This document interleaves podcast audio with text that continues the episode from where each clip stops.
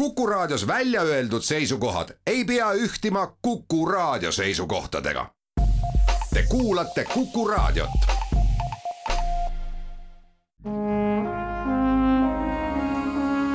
Vanemuise veerand. tere kõigile teile, head Kuku raadio kuulajad, Vanemuise veerand alustab. täna on saates külas Vanemuise balletijuht Mare Tommingas, tervist! tere! mina olen saatejuht Tiir Ööp. Hooaja alguses andis Vanemuine teada, et Vanemuise balletitrupiga liitus kolm uut artisti. kas nad on Tartuga kodunenud, on nad truppi sisse elanud, on nad Tartu linna endale koduseks elanud? no ma arvan küll, nad on ütleme, üle hulga aja nendest tulijatest, kes on siiamaani olnud väga-väga täiskasvanulikud ja, ja professionaalsed, et, et noored on ju erinevad, kui nad kooli lõpetavad, et vähemalt need kaks tüdrukut, Natali ja Caroline on ikkagi täiskasvanud inimesed ja, ja kui sa küsid, et kuidas nad on sisse elanud, siis Caroline teeb ju varsti oma elu kõige suurema rolli nii et siis ma arvan, et on hästi kõik. elu kõige suurem roll, senine kõige suurem roll tuleb Pähklipures. jah. Tšaikovski jõudis luua kolm balletti ja kõik need kolm balletti on absoluutsed pärlid. Luikede järv, Uinuv kaunitar ja Pähklipureja. kui sa mõtled Tšaikovski muusika peale, milline neist kolmest balletist on sinu jaoks kõige huvitavam, kõige kõnekam, kõige ilusam? igas balletis on mingisugune osa Tšaikovski muusikast, mis on minu jaoks äratuntavalt temale omane. ma mõtlen selle all seda, et on kindlasti ära tunda, kui tollane ballettmeister Petipa või siis hilisemalt, Petipa ei teinud ju kõiki ballette Tšaikovski muusikale, et on tunda ära, kui koreograaf, lavastaja esitas tellimuse, nii palju takte on vaja selleks variatsiooniks ja, ja nii, nii ta oligi, et see on faktiliselt tõestatud. Ja siis tuli kindlasti veel primadonna, kes ütles, et ma tahan nüüd aeglasemat tempot või ma tahan kiiremat tempot, et tegelikult äh, kõigis nendes kolmes balletis, mida sa nimetasid, on ära tunta see, kus ei ole Tšaikovski nii-öelda vaba oma muusikas.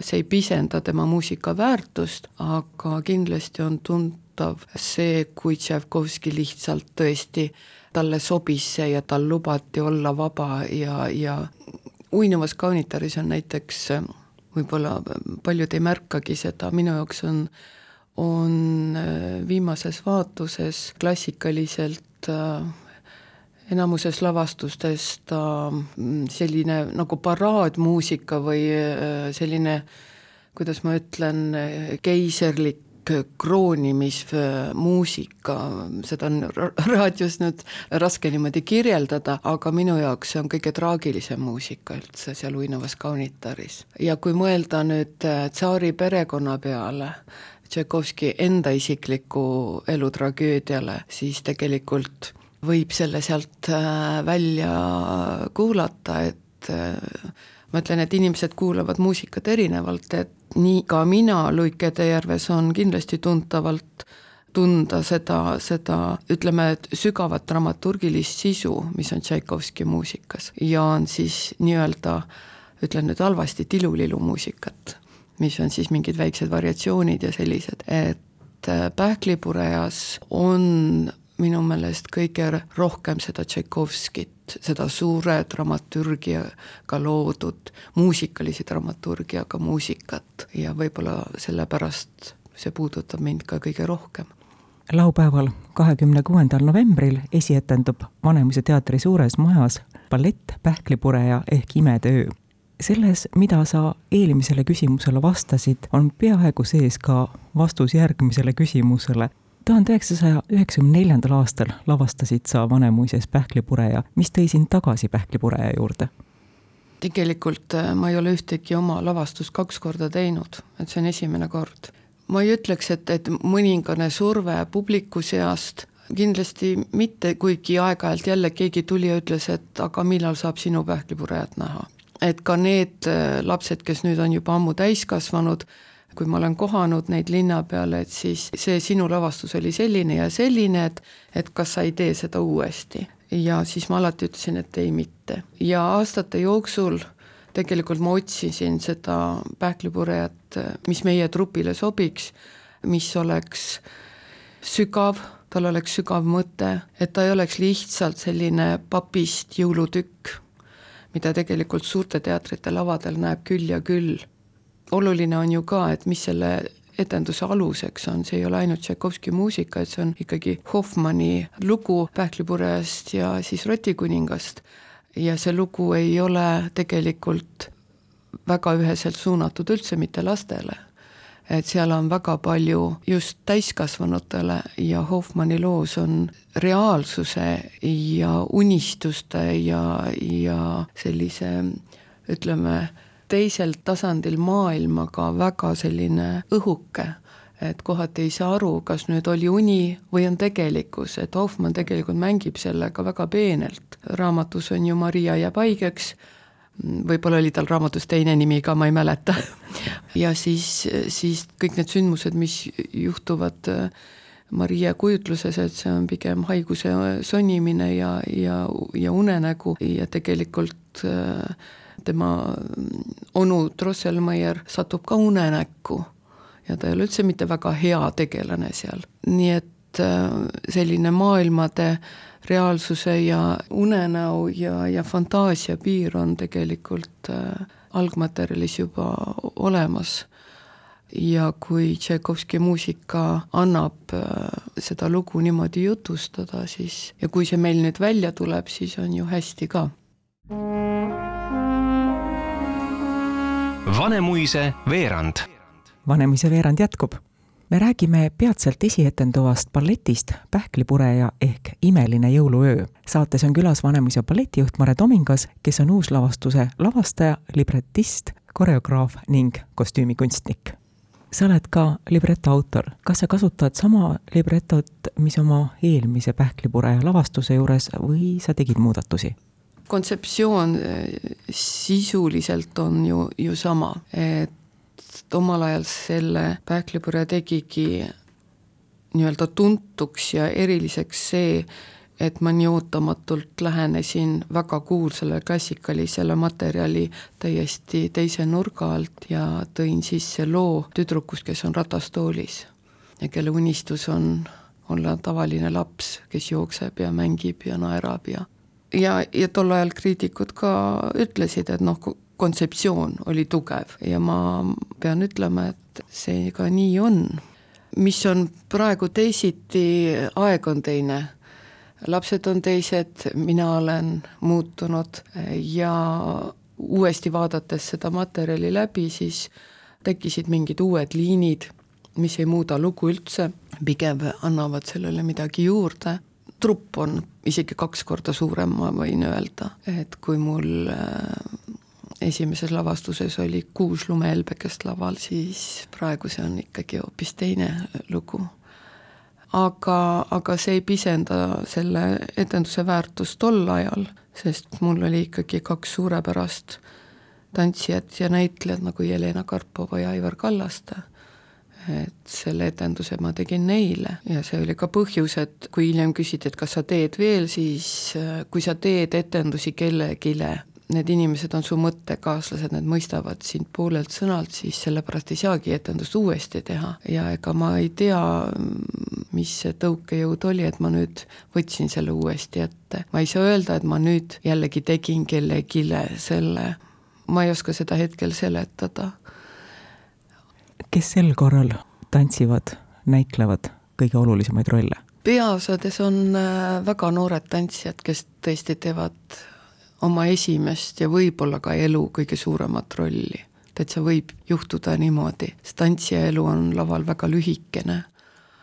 väga noored, nagu sa ennem küsisid, et kes meil juurde tuli sel hooajal, Caroline äh, McKinnon, kes tuli Prantsusmaalt, seoses sellega, et Hailey Blackburn lõpetas tantsimise kevade siis algselt pidi Heili tantsima Mariat, peaosalist, siis jäi tühik ja nüüd siis ma leidsin, et Karoliin on, on just see tüdruk, kes võiks seda rolli teha, see roll on väga keeruline, ta on psühholoogiliselt väga keeruline ja tantsutehniliselt on ta tappev tegelikult. nii Maria tegelasele kui ka sellele noormehele, kes mängib siis Drosselmeieri õpipoissi Mattiast, kes siis otsustab jõulupeol mängida nukku, pähklipureja, kes Maria unenäos muutub imekauniks noormeheks, et see on selline kolm ühes roll, et kolm erinevat karakterit ühes isikus, jällegi tantsutehniliselt palju raskem, kui ma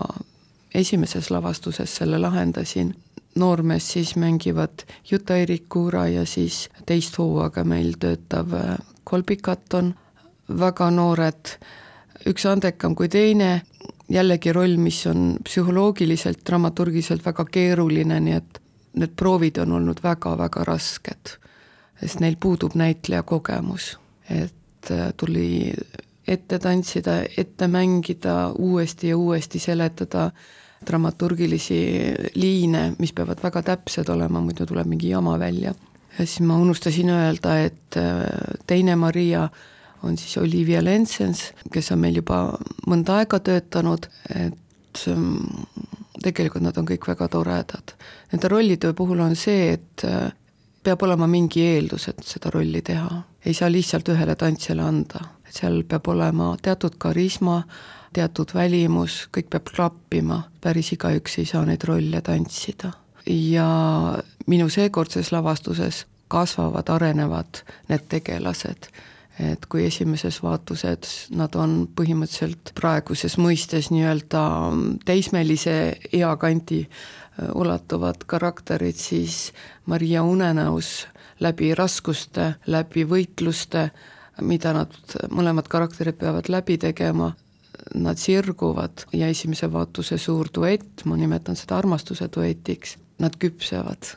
mõlemad tegelased ei ole sellised titad, et, et nad on pigem sellised kaksteist kuni viisteist ja need tunded ja mõtted on tõelised, need ei ole sellised lasteaia tasemel kuigi ma pean ütlema, et lapsed on selles etenduses äh, tegelikult peaosalised.